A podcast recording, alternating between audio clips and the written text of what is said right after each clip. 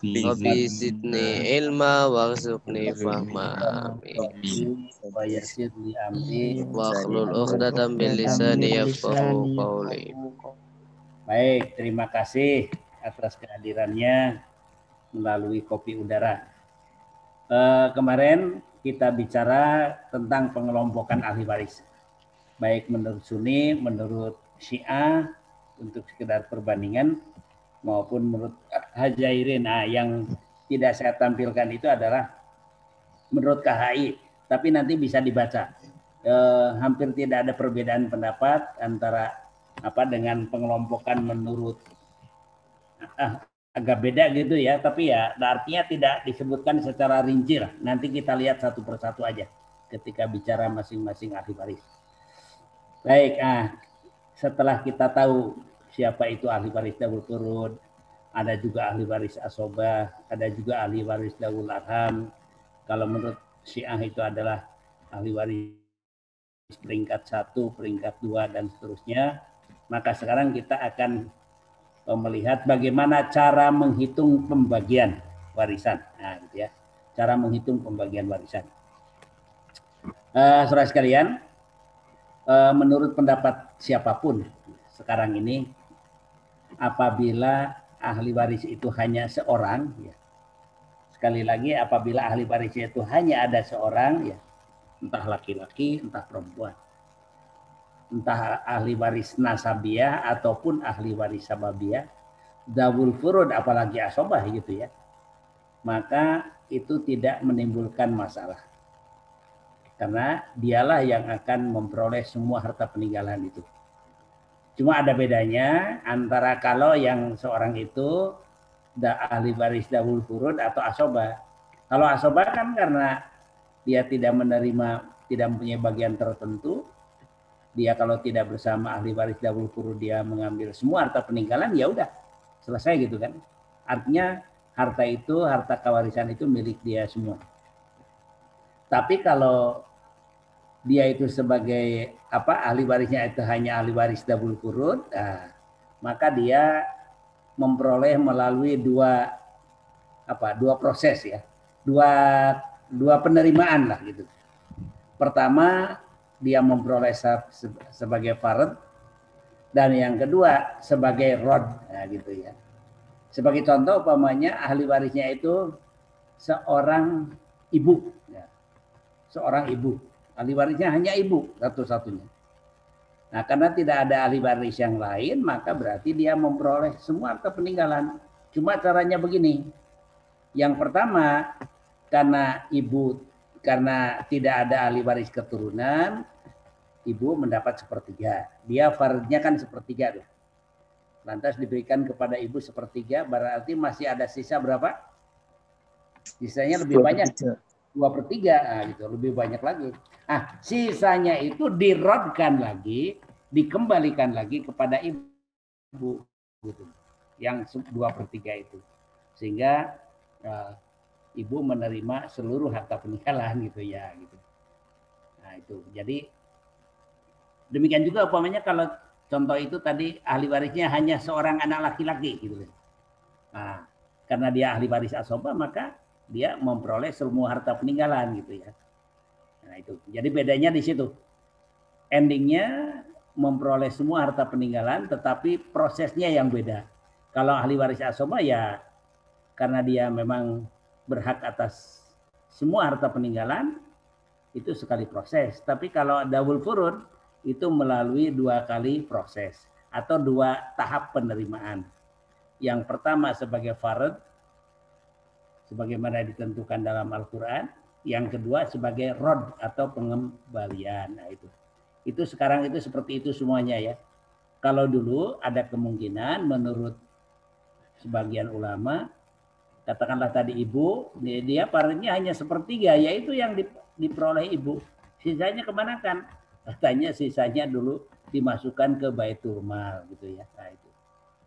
Jadi tidak boleh nambah-nambah itu kan. Nah, itu. Tapi sekarang ini uh, semua ulama sudah uh, mengatakan seperti yang saya katakan tadi gitu ya. Karena yang pertama karena memang baitul malnya itu sendiri sudah tidak ada ataupun kalau ada itu sudah tidak terurus gitu ya. Jadi lebih maslahat kalau diberikan kepada ahli waris daripada kepada dimasukkan ke baitul mal. Baik itu. Itu kalau sekali lagi kalau ahli warisnya hanya seorang siapa pun dia itu tidak menimbulkan permasalahan. Yang menimbulkan permasalahan itu kalau ahli warisnya itu lebih dari seorang. Lebih dari seorang, katakanlah dilihat dari jenis kelaminnya, ada laki, ada perempuan, dilihat dari garis kekerabatannya, ada dari unsur keturunan, ada dari unsur leluhur, dari unsur saudara, ada unsur paman komplit gitu ya. Demikian juga selain ahli waris nasabiah ada ahli waris sababiah yaitu mungkin suami, mungkin istri gitu kan.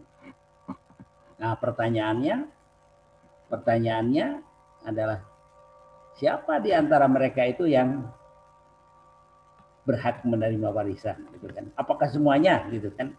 Nah, gitu ya. Itu yang jadi problem. Gitu. Itu yang jadi problem. Uh, nah, sebagai atau bagi pemula ini ada beberapa langkah yang uh, harus dilakukan atau bisa dilakukan. Tapi nanti kalau sudah expert, sudah ahli ya tidak langsung di anu saja udah tahu oh yang berhak itu ini ini ini gitu. Tapi bagi yang pemula uh, uh, prosesnya begini. Yang pertama buat daftar ahli waris. Pokoknya semua ahli waris catat dulu. Siapa pun dicatat itu. Nah, gitu. Baik, jadi umpamanya dibikin tabel satu siapa, dua siapa, tiga siapa. Mungkin nanti ada kok tabel keterangan di kanan di sebelah kanan itu ya. Keterangannya itu umpamanya oh dia dawul furud ya atau dia ahli waris sababiah umpamanya kan begitu. Itu yang langkah pertama. Yang langkah kedua, seleksi siapa saja. Ini karena halo? Halo? Iya, Zat. Iya masih masuk Ustaz. Ya. Gini, karena ini kan belum saya bagikan, ini bisa dilihat ke layar monitor saya. Iya. Bisa dilihat? Bisa. Nah, jadi tolong ke sini dulu sambil dengarkan. Fokusnya ke ini ke tulisan ya. Baik. Langkah yang kedua, seleksi siapa saja. Oh lah, tulisannya double ini saja seleksi siapa saja ahli waris yang mahjub dan siapa yang tidak mahal. Ini memang memerlukan pengetahuan tersendiri ya. Dia mahjub, mahjub itu oleh siapa? Berarti ada hajibnya gitu kan. Nah itu. Oke, nanti sambil jalan kita tahu ini. Berarti eh, setelah langkah yang kedua kan nanti tinggal di situ tinggal ahli waris yang tidak mahjub artinya dialah yang berhak gitu kan. Nah setelah siapa setelah diketahui siapa saja yang berhak langkah yang ketiga lantas ahli waris yang berhak itu tadi tentukan statusnya ya. Apakah dia dabul furud ya ataukah asobah kalau dabul furud kemudian tentukan juga berapa farnya atau bagiannya ya Nah, kalau asoba demikian juga oh dia asoba gitu kan karena asoba tidak punya bagian tertentu hanya ditandai saja oh dia asoba. Gitu kan. Bisa jadi dalam satu kasus double furudnya lebih dari seorang. Mungkin tiga, mungkin empat, mungkin lima gitu ya. Nah, tergantung itu. Oke, itu. Kemudian langkah yang keempat, apabila ahli waris yang berhak menerima warisan itu ada beberapa ahli waris gabul furud, yang fardnya atau bagiannya berbeda-beda, lantas tentukan berapa asal masalah atau KPK-nya. Barangkali Anda masih ingat ya, KPK waktu di SD atau di tingkat sanawiyah atau aliyah itu. Apa KPK itu? Kelipatan persekutuan, persekutuan terkecil. terkecil. Jadi sebuah angka yang paling kecil yang dapat dibagi habis oleh pecahan-pecahan yang merupakan bagiannya para ahli waris zawul furud gitu ya ah, itu. Jadi eh, tentukan dulu berapa KPK-nya atau asal masalahnya gitu ya. Nah, kalau ahli warisnya itu double furudnya hanya seorang, berarti angka pecahan itulah yang merupakan asal masalahnya. Oh, umpamanya di situ double furudnya hanya ada seorang istri yang bagiannya seperdelapan. Karena selebihnya keturunan pewaris yang statusnya sebagai asobah ya udah berarti dalam kasus itu asal masalahnya delapan gitu ya. Nah, gitu. Atau mungkin ada beberapa uh, daul furud tapi bagiannya sama ya. Tapi bagiannya sama gitu ya. Contoh umpamanya ada uh, uh, ibu yang bagiannya seperenam umpamanya ya. Ya ada ibu yang bagiannya seperenam umpamanya. Kemudian ada juga cucu perempuan yang bagiannya juga seperenam karena dia bersama dengan seorang anak perempuan umpamanya. Nah di situ ada dua orang ahli waris dagul kurun tetapi bagiannya sama masing-masing seperenam. Nah berarti kalau gitu ambil saja salah satunya. Berarti di situ asal masalahnya itu enam gitu ya. Oke. Gitu. Uh, anda masih ingat toh bagaimana cara menentukan asal masalah atau KPK? Ya pokoknya cari uh, uh, apa angka yang terkecil yang dapat dibagi habis oleh semua pecahan yang merupakan bagian ahli waris double kurun. Coba lihat ke sini. Di sini dicontohkan umpamanya ahli warisnya itu seorang anak perempuan yang bagiannya setengah karena seorang ya dan dia tidak bersama dengan anak laki-laki. Ibu yang bagiannya seperenam. Kenapa seperenam? Karena yang mati atau anaknya yang meninggal punya anak, yaitu anak perempuan ini. Maka ibu dapat seperenam. Kemudian istri atau janda itu yang bagiannya seperdelapan. Kenapa seperdelapan? karena suaminya yang mati punya keturunan yaitu anak perempuan ini gitu. Nah, sehingga dia dapat seperdelapan. Oke. Jadi di sini ada tiga angka pecahan. Setengah, seperenam, seperdelapan. Ah, Anda lihat itu adalah eh, yang di bawah itu apa? Angka angka pembilang ya. Pembilang atau penyebut ya? Jadi dua, dua per tiga angka dua itu adalah pembilang, tiga itu penyebut. Atau kalau dalam istilah ilmu faroidnya, ilmu hisabnya makom. Ya, makom. Kalau yang di atas apa istilahnya? Kalau pembilang. Yang di atas pembilang, Zat. Yang di bawah penyebut. Nah, ya.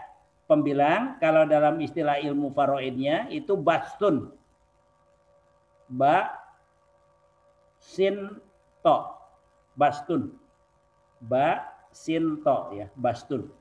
Nah, yang di bawah itu penyebut, itu istilahnya makom. Nah, jadi dalam pecahan tadi setengah yang merupakan bagiannya anak perempuan, seperenam yang bagiannya ibu dan seperdelapan yang bagiannya janda.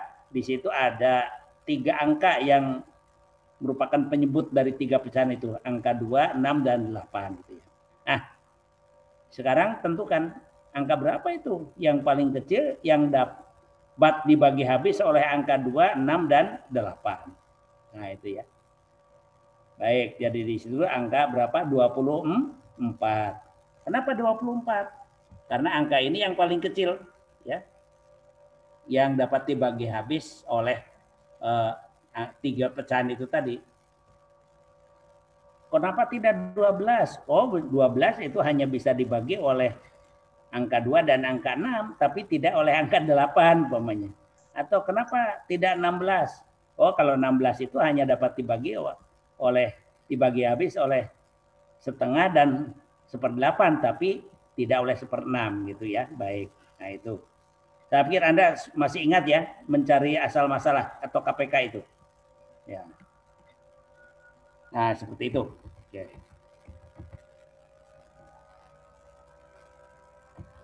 Baik, nah itu. Nah, setelah diketahui berapa KPK-nya, ya, nah nanti eh, selanjutnya dicari berapa bagian para ahli waris dari asal masalah.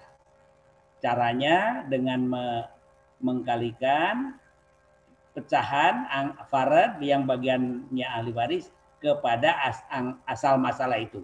Umpamanya dalam kasus ini apa, asal masalahnya 24. Berarti seorang anak perempuan dari asal masalah dia memperoleh berapa? Setengah kali 24, 12. 12. Kemudian ibu dapat berapa? Seperenam kali 12. Du, dua. Ya. Lantas istri seperdelapan kali kali oh bukan 12 24 tadi ya. Oke. Seperdelapan kali 24 tiga. Istri dapat seper, ya, ibu dapat seperenam kali 24 empat. Empat. Perempuan setengah kali 24 12. Nah, gitu. Oke, ini coba contoh nih. Nah, jadi ini ahli warisnya, pamannya ada seorang anak perempuan, ada ibu, ada istri atau janda ya, dan ada seorang saudara laki-laki sekandung. Oke. Katakanlah dari sekian ahli waris itu setelah tadi diseleksi ini yang dapat, yang lainnya mahjub ya gitu ya, katakanlah gitu. Oke, setelah itu kan tadi tentukan mana siapa yang dawul furud dan berapa bagiannya, kemudian siapa juga yang asobah gitu kan baik. Dari penentuan ini maka ketemulah ini ya oh dalam kasus ini anak perempuan karena seorang dia dia double furud bagiannya setengah. Kemudian ibu dia dapat seperenam double furud dapat seperenam kenapa? Oh karena yang mati anaknya yang mati punya keturunan yaitu anak perempuan dia dapat seperenam. Anisa ayat 11. Istri berapa? Menurut surat Anisa ayat 12 karena suap berarti ya yang mati di sini kan suami si istri itu dia dapat seperdelapan. Lantas seorang saudara laki-laki sekandung kalau menurut Sunni dalam kasus ini asobah. Gitu dia. Oke. Nah gitu ya. Saya tanya, kalau dalam contoh ini yang mati itu siapa? Suami. Siapa? Suami. Suami. Bapak. Suami dari si istri. Terus? Bapaknya anak, anak perempuan. Anak dari ibu. Bapaknya si anak perempuan. Anaknya Terus, ibu. Anaknya ibu. Oh iya betul 100. Anaknya saudara, ibu. Saudara, saudara dari saudara. saudara. Dalam kalau dari si ibu kan yang mati itu anak laki-lakinya ya, anak laki-lakinya si ibu, yaitu yang merupakan suami dari si istri, menantu si ibu itu gitu ya. Ayahnya si anak perempuan. Nah, betul bagus seperti itu. Sekali lagi penyebutannya harus dari muwaris ya harus dari muwaris pewaris kan. Baik kita lihat. Di sini ada angka pecahan setengah seperenam seperdelapan. Ada tiga orang ahli waris dabul turun. Oke berarti KPK-nya atau asal masalahnya 24 Pokoknya kalau di situ ada ada ada angka 6 dan angka 8 mesti itu 24 gitu ya. Nah, gitu ya. Sekilas saja udah udah bisa lah diketahui itu ya. Oh 24 karena angka 24 ini yang terkecil. Bisa juga 48 umpamanya. Tapi kalau selagi ada yang lebih kecil kena harus dipakai yang lebih kecil gitu ya. Oke 24 baik kemudian kita cari sekarang berapa bagian para ahli waris dari asal masalah. Caranya ini tadi anak perempuan setengah faradnya dikalikan asal masalah 24 Oh dapat 12 dari asal masalah. Ibu seperenam kali 24, 4. Seper, istri seperdelapan kali 24, 3. Nah, ini karena di sini ada tiga orang double purut. Nah itu dari sehingga dari kita jumlahkan dulu ini. Kita lihat coba.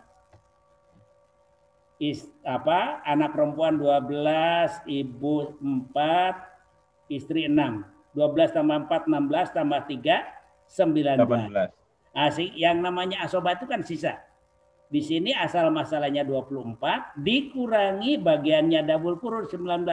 Sisanya 5. Nah, 5 ini bagiannya asoba. Tadi menerima sisa gitu ya. Sehingga kalau dijumlahkan, coba Anda lihat nih. 12 tambah 4, 16 tambah 3, 19 tambah 5, 24 pas.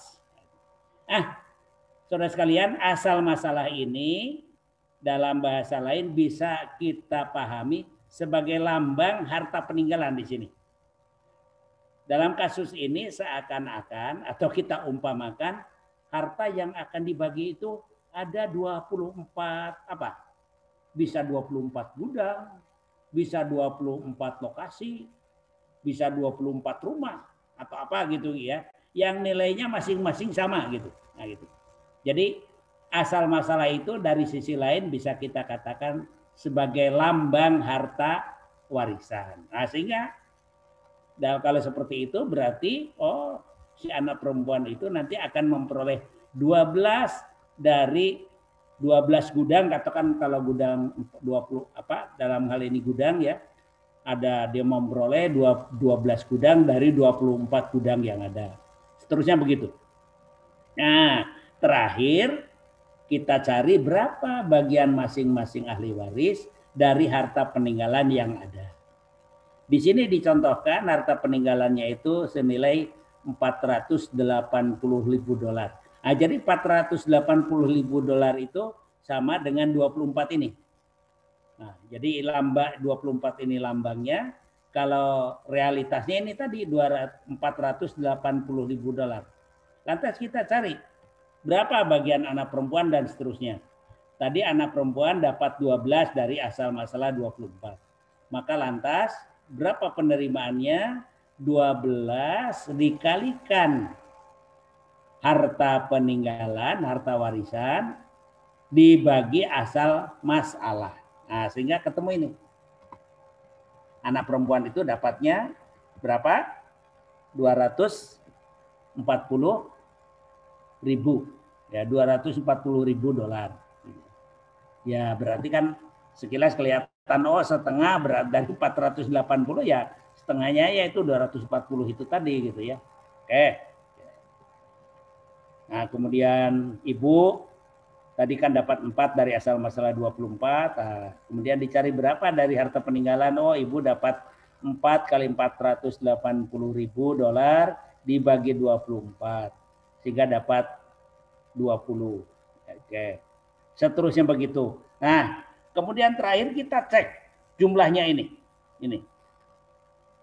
240 tambah 80 tambah 60 tambah 100 berapa jumlahnya? Harus di sini harus selalu dicek untuk mengetahui apakah pembagian kita ini benar atau tidak gitu. Kalau jumlahnya di sini tidak sama, ya berarti kan ada kekeliruan di situ. Demikian juga yang kedua, apa yang juga perlu selalu diperhatikan ini. Setelah dicari berapa bagian ahli waris dari asal masalah, lantas dijumlahkan. Dalam hal ini ada 24 nih. Berarti di sini sesuai dengan asal masalah. Angkanya sama. Nah, dalam kasus yang lain bisa jadi di sini jumlahnya itu lebih kecil dari asal masalah. Ini nanti disebut kasus nakis atau rod ya. Sehingga cara menghitungnya juga beda. Atau bisa jadi di sini bukan 24 tapi 27 umpamanya. Nah, itu namanya aul. Sehingga cara membaginya juga berbeda. Tapi kalau ini sama ini antara jumlah bagian para ahli waris dengan, dari asal masalah dengan asal masalah itu sendiri.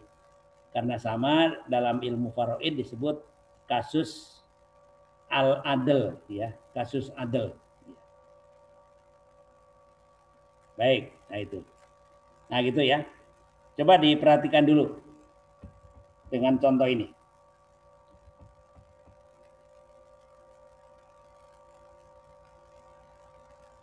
Ada yang belum paham dari contoh ini?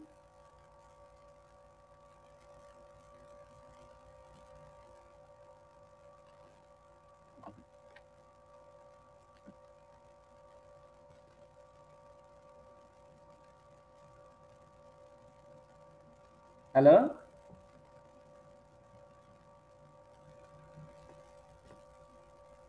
Halo? Ya, ada ada yang belum paham? Apa Ustaz kalau uh, misalkan saudara sekandungnya nggak cuma seorang misalkan dua gitu dibagi dua oh, ya nanti saudara sekandungnya katakanlah ada tiga orang gitu ya ya sudah dia tetap ketiga-tiganya asobah bagiannya lima nah, lantas nanti yang lima dari asal masalah atau dari harta peninggalannya adalah seratus ribu itu dibagi tiga gitu loh atau dia lima dibagi lima orang apa dibagi lima gitu kalau dia dua dibagi dua gitu tapi kan dia semuanya sama sebagai saudara sekandung, statusnya asobah gitu. Nah, jadi itu anunya itu. Tinggal nanti berapa orang anunya itu. Baik, pertanyaan Anda bagus itu. Ya. Jadi tetap meskipun 10 orang di situ ya sebagai tapi asal sama-sama sebagai saudara kandung ya berarti ya bagian sebagai asobah itu di situ sama. Lima dari asal masalah, atau 100 ribu dolar dari harta peninggalan. Lantas nanti dibagi 100 ribu itu dibagi lima orang gitu ya. Karena laki-laki semua berarti dibagi rata gitu ya. Nah itu masing-masing berarti dapat 20 ribu dolar. Bagaimana kalau di situ saudara sekandung itu dengan saudari sekandung? Nah ini nanti asobah bil Nah, nanti kita lihat contoh yang lain ini yang mudah dulu. Yang penting bisa dipahami gitu. Gimana bisa dipahami? Ya, saya ya. Ya, gitu ya. Baik. Silakan ada yang lain.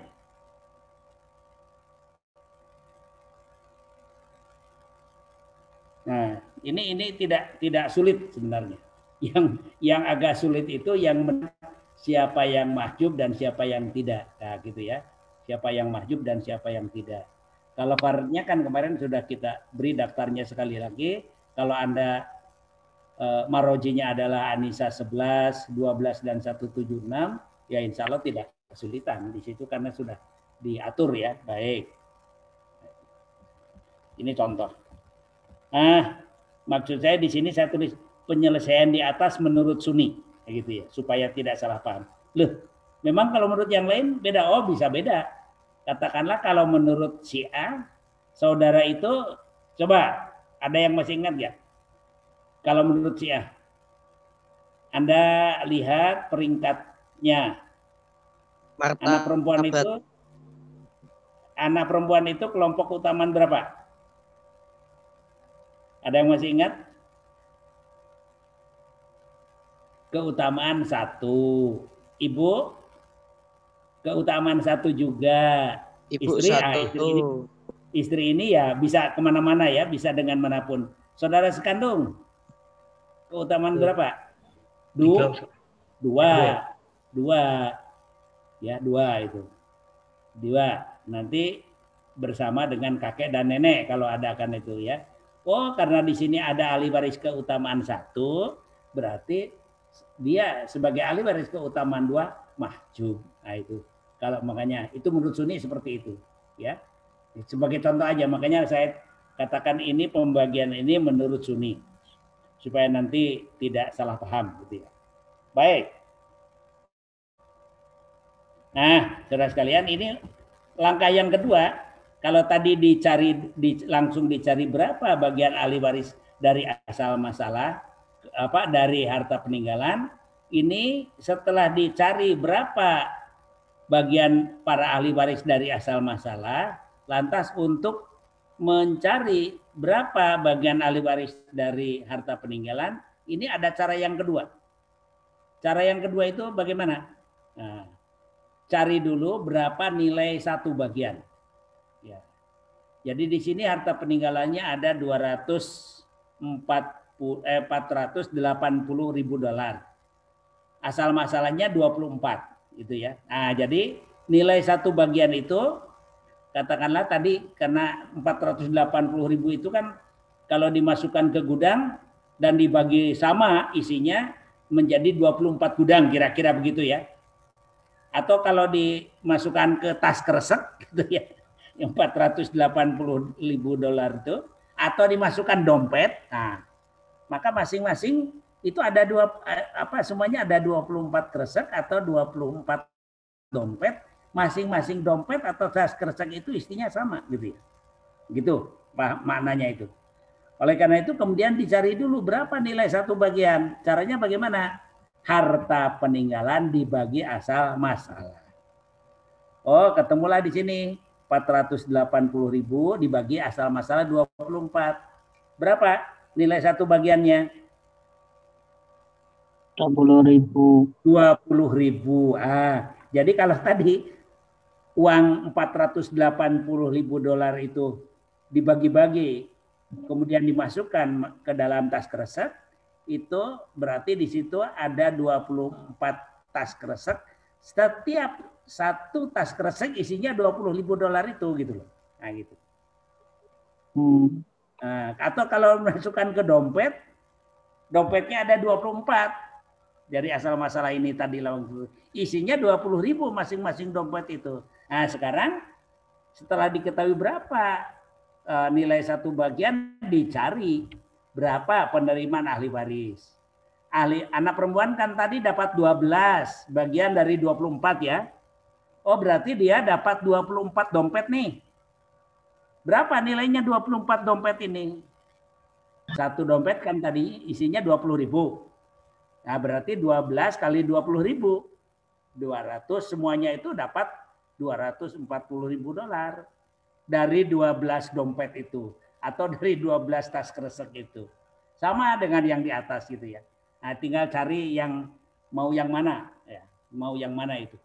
Anunya itu kedua-duanya bisa dilakukan, bisa apa bisa dijalankan nah itu. Terserah yang praktis yang mana gitu kan. Nah, jadi hasilnya hasilnya sama. Cuma beda langkahnya saja gitu itu ya. Oke. Baik, kalau dengan mencari nilai satu bagian dulu, ada yang belum paham? Sebenarnya sama. Kalau tadi kan bagian para ahli waris dari asal masalah dikalikan eh, jumlah harta peninggalan dibagi asal masalah. Ketemulah berapa bagian ahli waris. Kalau ini karena dicari dulu nilai satu bagian, lantas nilai satu bagian itu dikalikan kepada yang merupakan bagiannya ahli waris. Nah, gitu. Oke.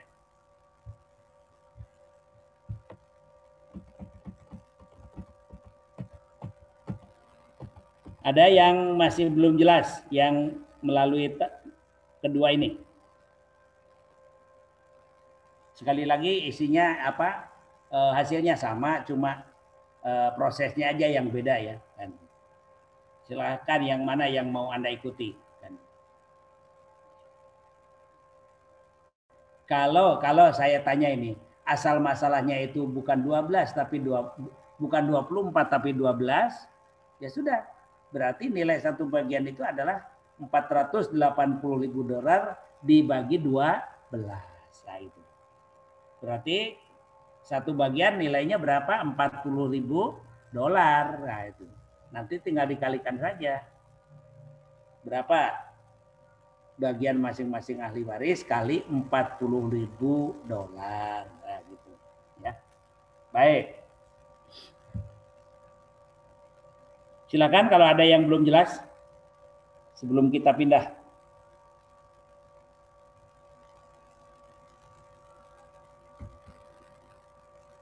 Nanti mungkin setelah ini Anda pelajari baca lagi pelan-pelan. Setelah itu insya Allah tidak ada kesulitan. Oke. Sekarang ini yang perlu diperhatikan itu. Saya tadi wanti-wanti ini. Coba lihat uh, contoh yang ini. Nah, penerimaan ahli waris dari asal masalah harus selalu dijumlahkan. Di sini dicek lagi jumlahnya nih 12 ditambah 4 tambah 3 ditambah 5. Oh, jumlahnya 24. Oh, berarti sama dengan asal masalah. Jadi dalam kasus ini eh, jumlah asal jumlah bagian istilahnya jumlah bagian ahli waris dari asal masalah sama dengan asal masalah. Karena bisa jadi jumlah di sini lebih kecil atau lebih besar. Beda ya. Bedanya itu bisa lebih kecil atau bisa lebih besar, bisa lebih besar gitu ya. Nah, kalau makanya ini harus selalu diperhatikan. Baik. Asra sekalian, dalam ilmu mawaris, kasus pembagian warisan ini dikaitkan dengan asal masalah itu ada tiga kemungkinan. Kemungkinan yang pertama, jumlah bagian para ahli waris dari asal masalah sama dengan asal masalah itu sendiri. Ini namanya kasus adilah. Jadi jumlah bagian para ahli waris dari asal masalah sama dengan angka asal masalah itu sendiri. Dalam kasus ini kan asal masalahnya 24, kemudian jumlah bagian para ahli waris dari asal masalah juga 24. Kalau kalau ya, dalam contoh ini ini istilahnya kasusnya atau contohnya masalah adilah istilahnya gitu ya adilah dalam arti eh, jumlah bagian ahli waris dari asal masalah sama dengan asal masalah itu sendiri. Nah, penyelesaiannya seperti ini. Kasus yang kedua bisa jadi ya, bisa jadi jumlah di sini beda. Ya, bisa bisa beda itu. Bedanya bisa lebih kecil. Ya, bisanya lebih kecil. Bedanya itu lebih kecil. Nah, kita lihat contoh ini. Nah, di sini ahli warisnya seorang anak perempuan, seorang cucu perempuan dari anak laki-laki atau bintu ibnin, kemudian ibu dan seorang paman sekandung. Menurut Sunni, bagiannya itu adalah seorang anak perempuan setengah. Kenapa? karena seorang dan tidak ada anak laki-laki. Kemudian seorang cucu perempuan dari anak laki-laki, bintu ibnin, seperenam. Kenapa seperenam? Nah, ini pemahaman ya. Nanti kita jelaskan. Kalau Anda lihat daftar penerimaan atau bagian para ahli waris dabul kurud ini intinya begini, kalau ada cucu perempuan mewarisi dengan seorang anak perempuan, menurut Sunni, maka cucu perempuan itu bagiannya seperenam. Dalam hadis eh, kemarin itu siapa? Yang kemudian kita sebut sebagai landasan ahli waris asobah ma'al Di situ kan ahli warisnya itu ada seorang anak perempuan, seorang cucu perempuan, dan seorang saudari. Seorang saudari ya. Ada yang nyebut sekandung, tapi ada yang nyebut sebapa gitu. Kemudian uh, siapa? Uh, yang pertama kan datang ke Abu Musa itu. Tapi kemudian oleh Abu Musa direkomendasikan untuk ketemu siapa? Ibnu Mas, Ibnu Mas'ud. Kata Ibnu Mas'ud, pembagiannya adalah seorang anak perempuan setengah, seorang cucu perempuan seperenam, takmilatan lithulusain untuk menyempurnakan bagian dua per tiga. Karena dianggap seorang anak perempuan dan cucu itu berarti dua orang anak perempuan. Dalam memberi bagian harus didulukan kepada anak perempuan karena kekerabatannya derajatnya lebih dekat. Ya. Karena dia seorang se, seorang maka dapat setengah berarti sisanya itu adalah seperenam. Karena setengah ditambah seperenam itu dua per tiga. Jadi yang merupakan bagian beberapa anak perempuan. Baik. Itu ya. Kemudian ibu karena yang mati punya keturunan seperenam. Ya. Nah, seorang paman ini eh, asobah ini enam. Nah, jadi kalau menurut Sunni ini juga eh, disebut asal apa adilah ya karena jumlah harta peninggalan jumlah jumlah bagian para ahli waris dari asal masalah sama dengan angka asal masalah itu sendiri gitu ya. Nah, kemudian hasilnya itu umpamanya dicontohkan di sini harta peninggalannya itu 90 ribu maka 90 juta ya maka anak perempuan dapat 45 dan seterusnya begitu. Tapi Anda lihat sekarang kalau menurut Anda bagi ini menurut Syiah ya. Coba lihat nih. Ya. eh, seorang anak perempuan setengah sama dengan Sunni. Seorang cucu perempuan kalau menurut Syiah itu mahjub. Mahjub oleh siapa? Mahjub oleh anak perempuan. Selagi ada anak, maka cucu mahjub. Ya. Yang dekat menutup yang jauh, kata Sun Syiah.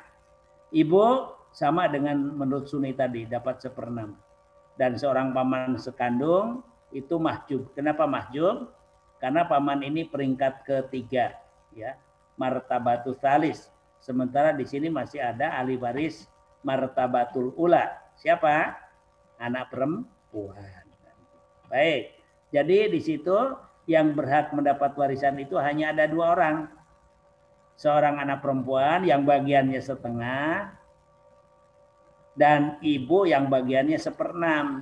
Jadi ada angka pecahan setengah dan angka pecahan seperenam. Oke, ya. Maka asal masalahnya berapa? Hmm? Enam. Enam. Ya, ya. istilahnya kalau dalam ilmu faraid itu ada juga yang nyebut gini. Angka dua dan angka enam ini katanya tadahul. Tadahul itu atau mudaholah ya. Angka dua dapat masuk ke dalam angka enam dan angka eh, enam dapat dibagi habis oleh angka dua. Nah, kalau tadahul begitu maka dipakai angka yang terbesar dalam contoh ini 6, nah gitu ya. Oke. Baik, coba Anda kalikan itu. Bagian anak perempuan setengah kali 6, 3. Seorang ah, seibu seperenam kali 6, 1. Coba Anda jumlahkan. Berapa bagian eh, anak perempuan dan ibu dari asal masalah 6? Hanya 4. Nah gitu ya. 3 ditambah 1, 4. Oh, Inilah yang kemudian disebut rod. Ada sisa di situ. Ada surplus. Harta peninggalan yang tersedia ada enam gudang. Setelah dihitung, dibagi kok hanya empat. Berarti kan masih ada sisa dua itu. Nah itu ya. Pertanyaannya dikemanakan sisa dua ini gitu kan. Nah gitu ya. Dikemanakan sisa dua ini? Nah ini dikembalikan lagi ke intinya dikembalikan lagi kepada ahli waris yang berhak gitu. Siapa yang berhak? Ah, dalam kasus ini dua orang ini yaitu anak perempuan dan ibu gitu ya. Nah, gitu. Jadi ini surplus di sini. Sisa ada di sisa dua. Nah, sisa dua ini intinya dikembalikan lagi kepada para ahli waris yang berhak. Nah, cuma yang menjadi yang harus menjadi perhatian ini. Sekarang kalau terjadi kasus rod ya diingat-ingat kalau terjadi rod angka atau jumlah bagian ahli waris dari asal masalah yang lebih kecil dari asal masalah dalam contoh ini empat itu nanti dijadikan uh, asal masalah baru dalam membagi ya, dalam membagi harta peninggalan. Jadi jangan dibagi enam tetapi dibagi empat gitu ya. Nah, coba Anda lihat ini di sampingnya berapa penerimaan para ahli waris? Nah, seorang anak perempuan, tiga, tidak berubah kalau tiganya. Kali 90 juta dibagi empat, bukan dibagi enam. Ya. Hasilnya 67 juta 500 ribu. Sebab kalau dibagi enam, ini akan sisa gitu ya. Harus ada sisa. Nanti sisa itu akan dibagi lagi kepada kepada ibu dan anak perempuan. Jadi dua kali kerja gitu ya. Sedangkan dengan cara seperti ini sekali kerja sudah selesai. Nah gitu ya. Intinya begitu. Nah kemudian ibu satu kali 60 juta dibagi empat. Ini hasilnya 22 juta 500. Ini sudah dengan rodnya ini. Ya. Kalau belum dengan rodnya, ibu itu bagiannya satu. Tadi asal masalahnya enam. Sembilan enam berapa? 90 juta dibagi enam berapa? 15 juta Ustaz. Nah, betul 15 juta. Ya. Baik, itu ya. Coba kalau yang anak perempuan. Anak perempuan. Tiga. tiga. Kalau dibagi enam, berarti dapat 45 juta ya? Iya. Yeah. Kali 15, 45. Ibu dapat 15. Jadi berapa jumlahnya? 45, Zat. Eh, jumlahnya? Kan, eh, 6 60 60 juta. betul. Nah, padahal di sini harta peninggalannya ada 90 juta. Berarti, berarti 30 kan juta. sisa 30 juta kan? Iya, Nah, berarti sisa dirotkan. 30 juta itu harus dibagi lagi kepada anak perempuan dan kepada ibu. Prosesnya seperti ini. Cuma beda di sini beda harta peninggalannya. Nah, berarti dua kali kerja itu. Tapi dengan cara ini itu sudah sekali kerja udah selesai. Nah, gitu. Jadi di sini ibu dapat 22 juta 500 ribu itu sudah dengan rodnya. Nah, berarti rodnya itu kan semula 15. Ini kok dapat 22 500. Oh, berarti rodnya itu berapa? 7 juta 500. 7.500 gitu ya. Nah, itu. Jadi yang perlu diperhatikan itu ya. Ini sudah rumus. Sudah rumus ini. Kalau terjadi rod, ah, maka cara pembagiannya seperti ini. Angka yang lebih kecil apa dari jumlah bagian para ahli waris dari asal masalah dijadikan istilahnya asal masalah baru dalam membagi. Ya. Di sini semula enam, tapi kemudian diturunkan menjadi empat, ya gitu ya. Nah ini supaya tidak dua kali kerja. Oke. Nah, nanti kalau anda nggak percaya, coba dihitung dulu dengan dibagi enam. Lantas sisanya dibagi lagi dengan proses seperti ini. Nah, tetap asal masalahnya enam juga gitu kan. Karena anak perempuan eh, setengah, ibu seperenam kan gitu. Cuma harta peninggalannya tidak 90 juta. Hanya tinggal berapa tadi? 30 juta gitu kan. Oke. Itu insya Allah ketemunya sama. Gitu. Itu yang perlu diperhatikan itu. itu. Baik. Ini kasus namanya istilahnya rod. Ya. Jadi ada pengembalian sisa kepada algaris yang berhak. Oke, yang yang berikutnya, yang ketiga. Kalau saat tadi ya, ya, silakan. Ya, hmm. Yang pembagian ibu saat kenapa jadi 22 22,500 ribu saat hmm. 22, setengah juta Ustaz. Itu loh, satu kali 60 60 juta dibagi empat itu Ustaz. Oh iya iya. Oh uh, iya, sebentar ya. 90 bagi hmm. Kalau 90 dibagi 4 berapa? Itu jadi tadi kan 180. Iya iya, saya saya langsung. 180 saya... dibagi 4. Jadi 45 juta, Ustaz. Ah, iya, anu sorry ini. Berarti 45 ya. 90 dibagi 4. Bentar. 90 dibagi 4 berapa? 12. Hah? 22,5. 90 dibagi 4. Betul, salah saya. 22,5. 22,5 dikalikan 3 berarti berapa? 67 ya? Ya benar. Oh yang 67. Karena yang hanya ibu aja ya? 89. Hah? Kan betul dong? Afan Ustaz kok ini penghitungannya kok 60 juta nggak sama-sama oh, yang atas tulis, Ustaz. Sorry. sorry iya, sorry, Ustaz. salah tulis. Mestinya ini 90. berarti ini berarti ah, uh, salah saya salah tulis. Mestinya 90. Nah, makanya jadi bingung tadi. 90 mestinya. Maaf, salah salah salah nunul. Nah, Ustaz, lah Pak Ustaz. 90 kan? Nah, oke okay ya. Jadi cuma salah ketik itu aja. Maksudnya 90 ditulisnya 60. Oke, berarti baik. Berarti udah selesai ya? Masih ada yang belum dipahami? Itu kasus rod seperti itu. Apa Ustaz untuk yang rod sekali penghitungan tadi minta diulangin lagi Ustaz. Uh... Ya ini. Baik. Gini. Kalau kita lihat asal masalah asal masalahnya berapa dalam kasus ini? 6 kan? Iya, Zat. 6, Zat. Oke. Sehingga anak perempuan setengah kali 6 dapat 3. Iya. Ibu seperenam kali 6 dapat 1. Iya, Zat. Baik. Kalau eh, apa? Kaidah yang pertama kan dalam membagi harta warisan itu bagian ahli waris dari asal masalah dikalikan jumlah harta peninggalan dibagi asal masalah. Eh, kalau ini diterapkan bagian anak perempuan itu kan tiga. Iya. Harta peninggalannya 90 juta dibagi 6. Asal masalahnya kan 6. Iya. Nah, berarti di sini berapa? Berarti 40. situ 45 juta, Ah, Ustaz. 45. Baik, kita lihat dulu.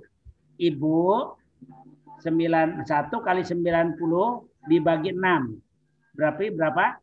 Berarti li- 15 juta. 45 eh berapa tadi? 45 juta sama 15 juta, Ustaz. Ya, Jadi Empat. 60 juta. mm-mm. Bu- ini enam ini bukan bukan apa?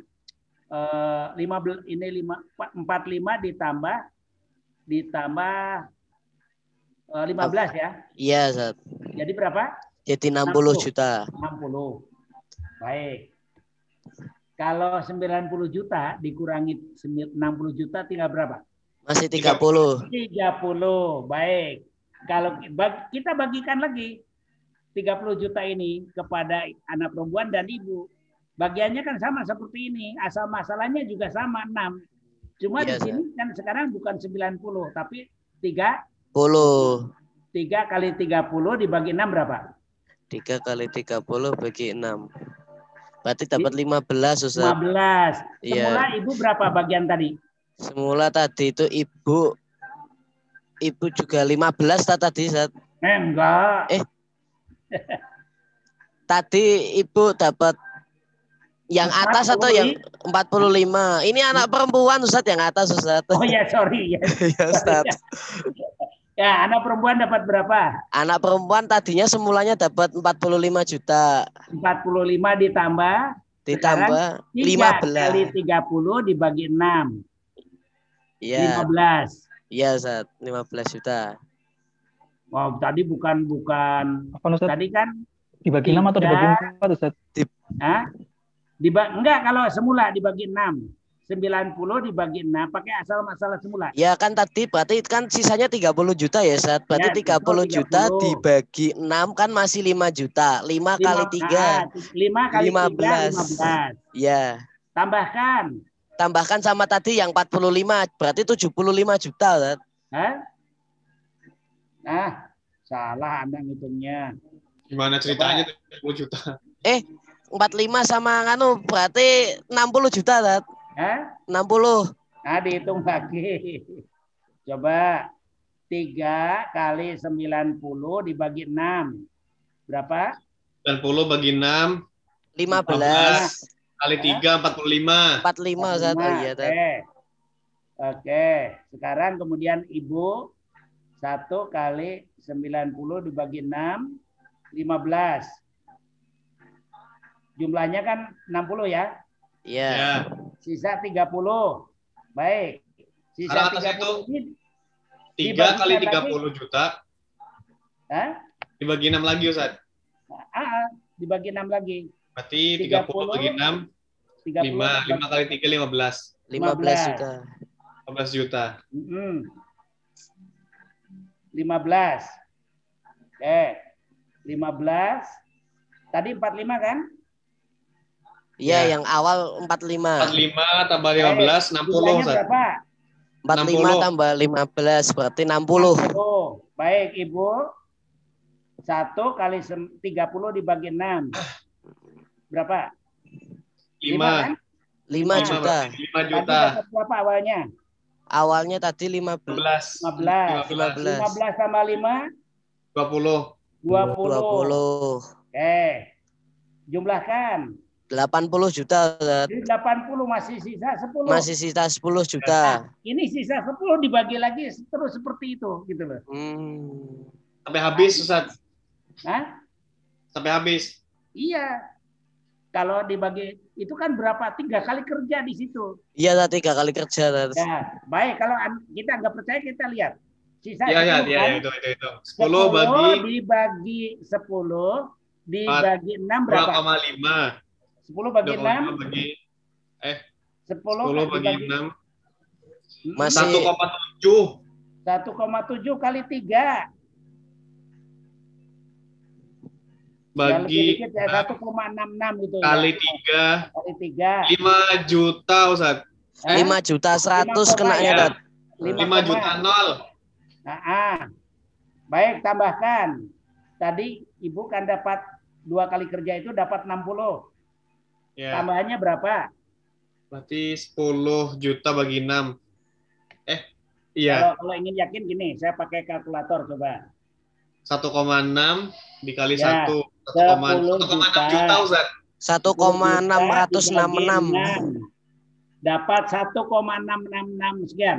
Dikalikan ibu bagiannya anak perempuan berapa? Tiga. 3. Itu lima, lima juta lah. 5 juta ya. pas, Ustaz. 5 juta pas. Ah, lima Di atas dikit. 5 juta Baik, pas. tadi berapa bagian Sama ibu? 1,6 Ustaz. Ibu Ustaz. Sudah hitung Ustaz. Bagi, bagian ibu tadi awalnya berapa 1,66. 60 ya? Berarti tambah 5 Iya, sekarang 60. 65. Baik, bagian istri, eh bagian ibu, sorry. Berapa? Ibu. Ibu 1,6. 1,66666 sekian. Tadi sebelumnya berapa Ibu? 20. Iya, 20 20. ditambah 1,66 21 21,6666. ditambah 65 86,666. Masih sisa berapa? Masih sisa 3,33333. Iya, Ini Ustaz. lagi-lagi. Wah, ya itu. Itu proses intinya seperti itu pembuktiannya. Maka ini hasilnya juga sama dengan ini nanti gitu loh. Pokoknya terus gitu, dirodkan lagi, dirodkan lagi gitu. Nah, itu untuk membuktikannya itu. Ini sekali lagi saya katakan ini sudah jadi rumus. Nah, gitu. Kalau waktu apa waktu selo Anda lihat itu, buktikan itu. Anda rubah mungkin berapa anunya gitu. Itu akan ketemunya seperti ini. Ya. Silakan nanti di- dibuktikan ini baru sekilas saja kan terbukti ini sudah tiga kali kerja ini, tiga atau empat itu, gitu kan? Oke ya, paham ya? paham Ustaz. Ya baik, itu yang rod. Terus perbedaan yang kedua, jumlah bagian ahli waris dengan asal masalah ini, kalau tadi lebih kecil dari asal masalah, yang kedua itu bisa jadi lebih besar dari asal masalah. Ini contoh ya nih. Ini yang kemudian disebut aul. Ahli warisnya tiga orang anak perempuan. Yang bagiannya dua per tiga karena tiga orang. Dua orang atau lebih pak ingkunan nisaan pak kosnatain falahuna tulusa matarok. Berarti dua per tiga. Suami karena istrinya yang mati punya keturunan, dia dapat seperempat. Kemudian ibu karena anaknya yang mati punya keturunan dapat seperenam. Ada angka eh, apa makomnya ini tiga empat enam. Jadi asal masalahnya 12. Karena 12 inilah angka yang paling kecil yang dapat dibagi habis oleh 3, 4, dan 6. Oke, kita lihat. Anak perempuan 2 per 3 kali 12 berapa? 8. Suami seperempat kali 12, 3. Ibu seperenam kali 12, 2. Anda jum- jumlahkan ke lantas sekarang. Berapa? 3, 13. Oh. Loh, kok jadi besar ya? Harta yang tersedia 12 gudang, setelah dihitung-hitung, loh kok membengkak jadi 13 gitu kan? Nah, ini minus ini. Pertanyaannya siapa yang harus dikurangi bagiannya? Kata si ibu itu, eh kamu saja anak perempuan kan kamu dapat banyak gitu. Atau suami, kamu kan ahli waris sababia, kamu dikurangi aja. Oh nggak boleh seperti itu. Tidak bisa kekurangan itu hanya ditanggung oleh seorang ahli. Tapi harus ditanggung bersama. Ya. Intinya masing-masing para ahli waris itu dikurangi dari bagian semula itu. Ya. Intinya begitu. Jadi harus dibagi. Pengurangannya harus sesuai dengan ini. Sesuai dengan untuk keadilan itu sesuai dengan perimbangan faradnya ini gitu ya. Nah itu. Nah, tidak bisa dibagi rata, kekurangannya dibagi rata aja yuk gitu. Enggak bisa. Harus untuk mencermin apa untuk keadilan harus ini sesuai dengan eh, perbandingan faradnya ini gitu ya. Nah.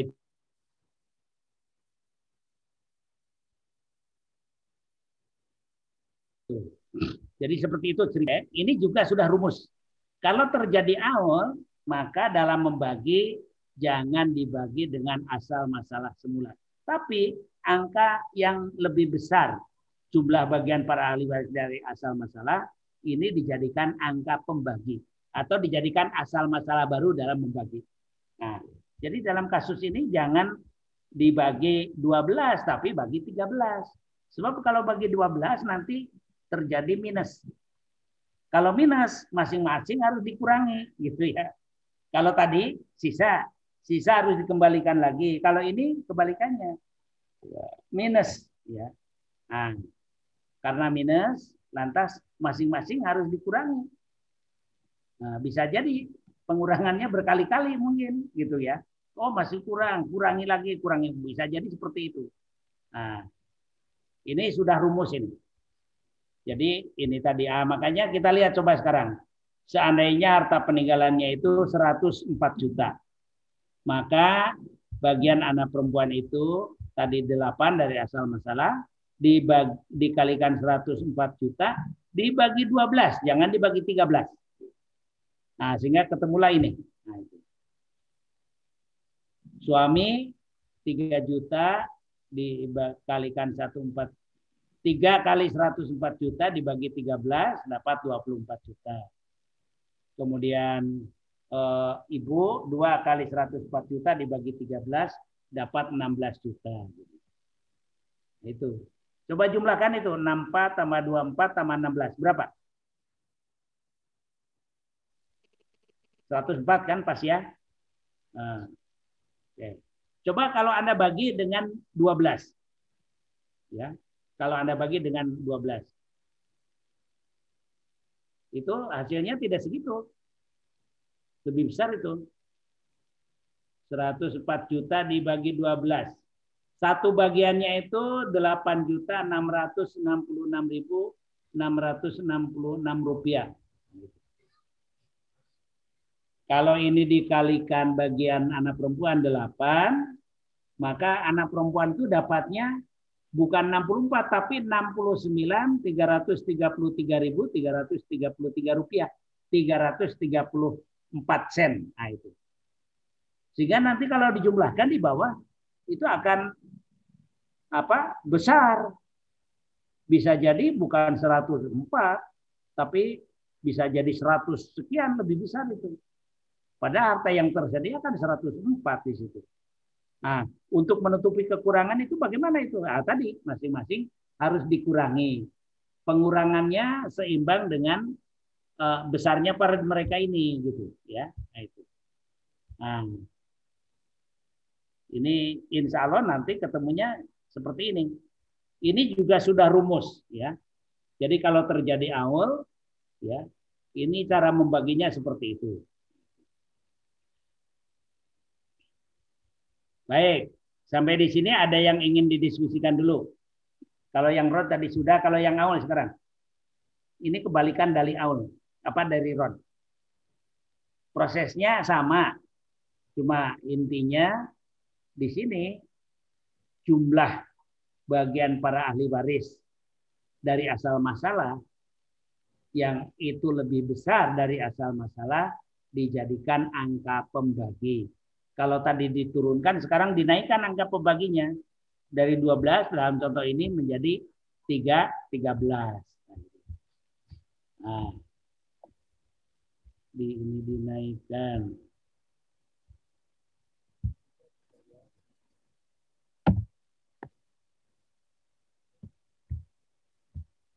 Baik, ada yang ingin didiskusikan dulu?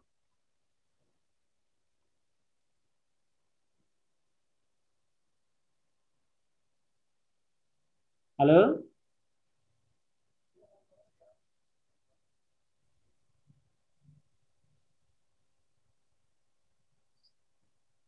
Contoh soal Halo? lagi Ustaz. Hah? Contoh, contoh soal Ustaz. Contoh lagi, contoh yang lain. Iya Ustaz. Contoh soal Ustaz biar bisa bikin hitung Ustaz. Pelatihan. Enggak, ini ini anu dulu. Nah, kalau ini nanti kita akan ketemu dengan contoh soal yang lain. Tapi yang penting ada pahami dulu. Itu prosesnya pokoknya seperti ini. Sudah paham ya? Insya Allah Ustaz. Baik. Pokoknya ada tiga kemungkinan itu, yaitu kasus adila, rod atau aul. Nah gitu. Dan intinya begitu. Anda mengerjakan yang mana pun mesti tidak terlepas dari tiga persoalan itu, gitu loh. Cara membaginya itu. Nah, kalau ketemu seperti itu tadi, ini rumusnya ini. Ini sudah sudah rumus dibawa ke mana pun, insya Allah itu penyelesaiannya seperti itu. Baik, kalau sudah bisa paham semua, nah kita lihat sekarang ke hmm, nanti saya kirim setelah ini. Oke.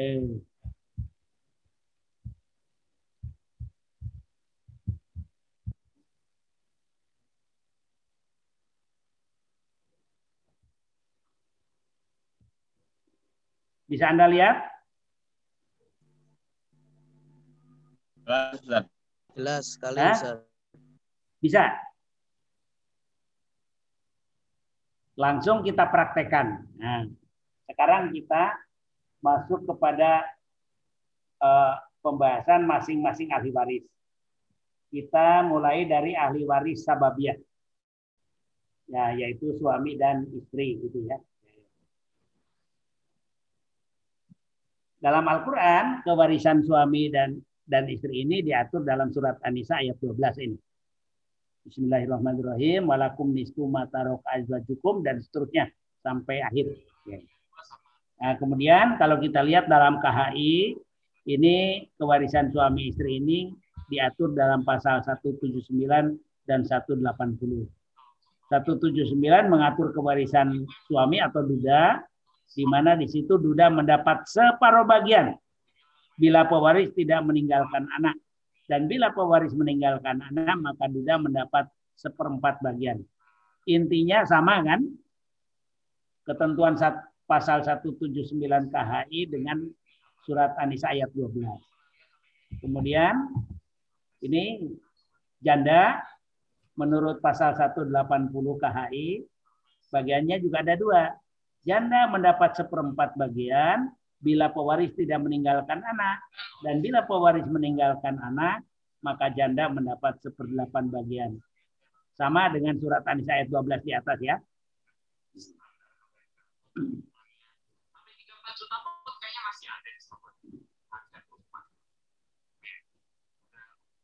Walahunna rubu'u mimma taroktum illam yakul lakum walad. Janda mendapat seperempat bila bagian bila pewaris tidak meninggalkan anak. Nah, Fa'inkan lakum walad falahuna sumun. Nah, mendapat seperdelapan. Jadi sama dengan pasal 180 KHI. Baik, jadi berdasarkan ayat 12 surat An-Nisa dan pasal 179 serta 180 KHI dapat dikatakan bahwa kewarisan suami dan istri sudah ditentukan bagiannya. Oleh karenanya suami maupun istri adalah ahli waris dabul furud ya atau asabul furud. Kenapa? Karena bagiannya sudah ditentukan. Di mana di situ suami bagiannya ada dua kemungkinan. An-nisfu dan arubu, setengah atau seperempat. Bagian istri juga ada dua dua macam.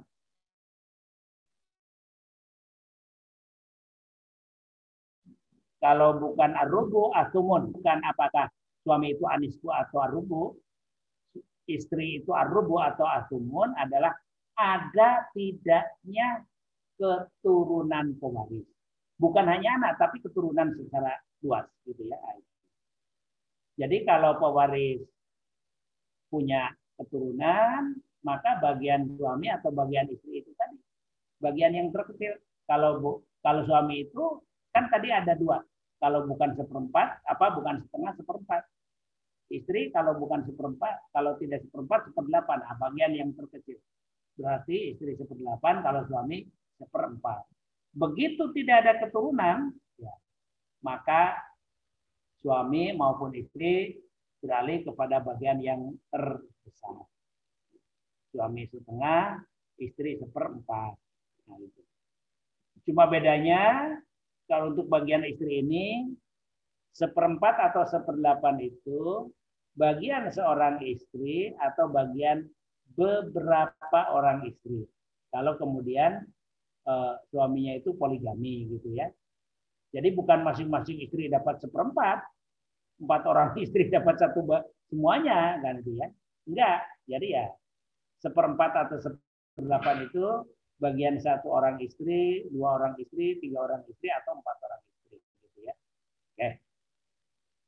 Nah, itu yang perlu dipahami. Ya. Nah, cuma yang di sini yang terjadi perbedaan pendapat itu kalau menurut bagian semua ulama sepakat. Bagian suami itu tadi ada dua macam, bagian istri juga ada dua macam.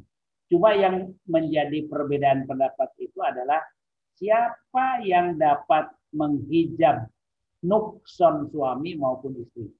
Hijab nukson itu menghijab yang mengurangi bagian, istilahnya ya. Kalau yang menghilangkan bagian, istilahnya hijab hirman. Sekali lagi, kalau yang kemudian menghilangkan, bahkan eh, tidak menjadi ahli waris, tidak mendapat bagian, namanya terhijab hirman. Kalau yang hanya mengurangi, terhijab nukson. Ya. ya. Jadi dari kata nakis, nakoso itu kurang. Nah, itu. Jadi di sini bagian suami atau bagian istri menjadi berkurang dari semula setengah jadi hanya seperempat. Istri semula seperempat jadi hanya seperdelapan. Oleh siapa? Oh dia dikurangi karena gara-gara ada pewaris punya keturunan. Siapa? Dalam kalau dalam ayat kan disebut tadi siapa? Coba lihat ayatnya. Nah ini. Walakum nisfu ma taraka ajwajukum illam yakullahuna walad. Kalau tidak punya walad. Fa'inkan lahuna walad. Tapi kalau istrinya yang mati itu punya walad, walakumur rubu'u. Nah, yang menjadi perbedaan pendapat di kalangan para ulama itu, siapa yang dimaksud dengan walad itu? Nah, itu aja. Kalau menurut Sunni, yang dimaksud dengan walad itu yang pertama adalah anak. Anak langsung, anak kandung. Atau istilahnya waladusulbi. Anak langsung. Anak kandung ya. Waladusulbi istilahnya baik anak laki-laki maupun anak perempuan. Yang kedua, yang bisa menghijab nukson suami maupun istri itu keturunan dari anak laki-laki yang berstatus sebagai dawul turun atau asobah. Nah, itu. Jadi itu yang bisa menghijab nukson istri ataupun suami. Tapi kalau keturunan pewaris itu statusnya dawul arham, Sekali lagi, kalau keturunan itu statusnya Dawul Arham, maka menurut Sunni, suami maupun istri tidak terhijab nukson. Berarti dia mendapat bagian yang terbesar. Contoh Dawul Arham dari unsur keturunan siapa? Ada yang ingat? Contohnya adalah bintu bintin ibnu bintin. Cucu eh, dari anak perempuan Ustaz. Cucu anak ah, perempuan. cucu dari anak perempuan. Atau buyut dari cucu perempuan dari anak laki laki. Pokoknya yang kemarin penghubungnya itu perempuan gitu ya. Ah jadi umpamanya ahli warisnya ibu. Ya. Kemudian suami. Kemudian cucu laki-laki dari anak perempuan. Kalau menurut Sunni, ibu berapa bagiannya? Sepertiga. Suami setengah. Cucu laki-laki dari anak perempuan mahjub. Kenapa mahjub? Karena dia gawul arham. Nah, di situ sekalipun dia punya keturunan yaitu cucu, tapi karena dia statusnya gawul arham, menurut Sunni tidak bisa menghijab nukson baik ibu maupun sua, suami nah, gitu ya baik itu menurut Sunni itu jadi sekali lagi yang bisa menghijab nukson suami maupun istri dari farnya yang semula itu itu harus istilahnya waladus sulbi ya. ya apa pokoknya wal apa uh, walad yang uh, farun waris, sorry, maaf. Istilahnya itu farun waris. Keturunan yang berstatus sebagai ahli waris. Tapi kalau farun goiru waris, keturunan yang bukan ahli waris, yaitu tadi yang daul arham, menurut Sunni, suami maupun istri tidak terhijab nukson. Ini yang pertama. Yang kedua, menurut Syiah maupun dan Hajairin serta menurut KHI bahwa yang bisa menghijab nukson suami maupun istri itu keturunan dalam arti mutlak. Entah anak, entah cucu, entah bujut. Entah cucu dari anak laki-laki maupun cucu dari anak perempuan. Pokoknya keturunan secara umum gitu ya. Mungkin anak, mungkin cucu dengan tidak membedakan cucu dari anak laki-laki maupun cucu dari anak perempuan. Nah, gitu. Itu menurut si A, Azairin dan KHI seperti itu, ya. Kenapa? Karena e, mengartikan walad dalam ayat 12 surat An-Nisa itu tadi itu adalah keturunan secara mutlak. Jadi walad itu adalah keturunan. Ya. Bisa ini wujudnya adalah ibnun, bisa bintun. Nah itu. Bisa walad sulbi dan walad gue sulbi. Anak langsung atau anak tidak langsung. Nah gitu. Ya. Itu perbedaannya hanya di situ aja. Ya. Jadi kalau dalam contoh tadi, ahli warisnya itu ibu, suami, dan cucu laki-laki dari anak perempuan. Kalau menurut si Hajairin atau KHI, ya ibu bukan sepertiga tapi seperenam. Kenapa? Karena pewaris punya keturunan. Kalau Sunni kan tadi sepertiga. Menurut KHI itu seperenam. Oke, suami menurut Sunni dapat setengah. Tapi kalau menurut KHI hanya dapat seperempat. Kenapa?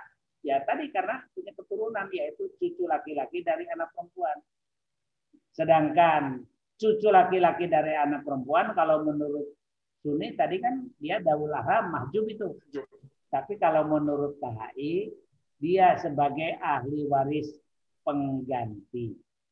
Menggantikan siapa? menggantikan ibunya yaitu anak perempuannya pewaris gitu kan. Nah, sehingga dalam kasus ini ahli warisnya itu sebenarnya ibu, suami dan seorang anak perempuan. Nah, gitu gitu ya. Jadi itu perbedaannya di situ aja. Perbedaan yang kedua yaitu ketika terjadi rod. Nah, dalam arti begini. Kalau menurut Sunni, suami maupun istri selama ada ahli waris nasabia dia tidak berhak menerima rod. Ya. Suami maupun istri selama ada ahli waris nasabia dia tidak berhak menerima rod. Nah, jadi rod kepada suami maupun istri itu kalau sudah tidak ada ahli waris nasabia. Selama ada ahli waris nasabiah, menurut Sunni, suami maupun istri tidak berhak menerima. Sedangkan menurut yang lain, suami maupun istri sama-sama juga berhak menerima rod. Nah, ya. Nah, itu. Nah, contoh, ini Anda tadi yang ingin contoh yang lain. Nah, di sini sudah ada contoh-contohnya itu. Anda nanti pelajari dulu. Nah, kalau ada yang belum jelas, itu kita uh, bahas besok. Kita bahas besok. Sekarang ini karena waktunya sudah habis, ini nanti saya kirim filenya ini untuk Anda pelajari gitu ya. R di situ itu apa Ustaz?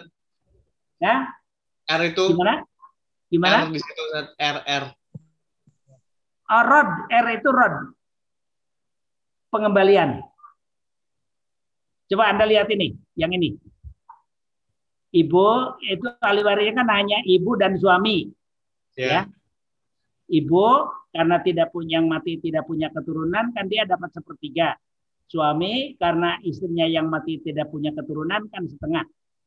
Ini sepertiga dan setengah ini tidak menghabiskan harta, tapi insya Allah masih sisa sangat, sangat jelas kelihatan. Karena sepertiga dan seperenam itu baru berapa? Asal masalahnya enam, Enam. eh, ibu dapat dua per enam, eh, kemudian an- suami dapat tiga per enam, baru lima per enam masih ada sisa seperenam. Oh iya. Nah, maka nah itu tadi kalau menurut Sunni sisanya ini hanya ditambahkan kepada ibu, Kenapa ke ibu? suami tidak. Karena dia masih ada ahli waris double apa nasabiah gitu. Poidahnya kan tadi begitu. Nah, intinya R ini rod ya, rod itu. Nah, sedangkan menurut yang lain itu rod, rod, rod, kan itu. Anda baca dulu nanti insya Allah paham gitu. Amin. amin. Ya Ustaz. Jadi ada rod itu R itu maksudnya rod.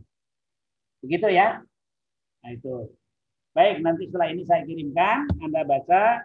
Kalau ada yang belum jelas, kita diskusikan besok sambil nanti saya tambah ahli waris. Setelah ini nanti kita masuk kepada ahli waris nasabiah dan kita mulai dari unsur keturunan. Kirim.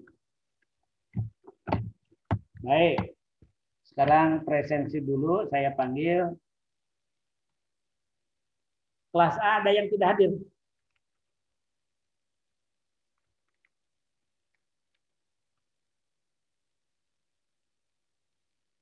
Jamal Mubarok, Hadir Ustaz. Ahmad Rizki, Hadir Ustaz. Dimas Novaldi, Hadir Ustaz. Fadil, Hadir Ustaz. Habib, Hadir Ustaz. Isa, Hadir Ustaz. Kanugrahan, Maulan, Hadir Ustaz. Miftahul Khair, Hadir Ustaz. Ridwan, Hadir Ustaz. Rifki, Hadir Ustaz. Kanugrahan datang nggak? Ada di rumah Ustaz. Di rumah ada ya? Ada Ustaz. Baik. Kelas B. Ahmad Hafid, Hadir Ustaz. Ahmad Saidi, Ahmad Zakwan, Hadir Ustaz. Arman Nurdin. Sakit Ustaz. Gimana? Sakit. Sakit? Ya, saya belum buka HP. Baik. Badru Tamam? Hadir Ustaz. Mm-mm. Muhammad Jihan? Hadir Ustaz. Ya. Muhammad Akmal? Hadir Ustaz. Muhammad Ghassan? Hadir Ustaz. Afan? Hadir Ustaz. Nur Faizi? Hadir Ustaz. Rausan? Aditya? Hadir Ustaz. Rausan ada nggak Rausan? Di room ada nggak? Ada Ustaz. Baik, terima kasih. Baik, nanti saya kirim ya setelah ini. Anda baca dulu, dan nanti sekaligus saya tambah. Nah, besok kita anukan dulu kalau ada yang belum jelas. Nanti Anda baca contoh-contoh ini, insya Allah bisa paham lah, gitu ya. Baik, terima kasih. Hari ini sampai di sini dulu. Insya Allah kita jumpa lagi besok. Untuk itu kita syukuri bersama-sama dengan membaca hamdalah. Alhamdulillah. Alhamdulillah.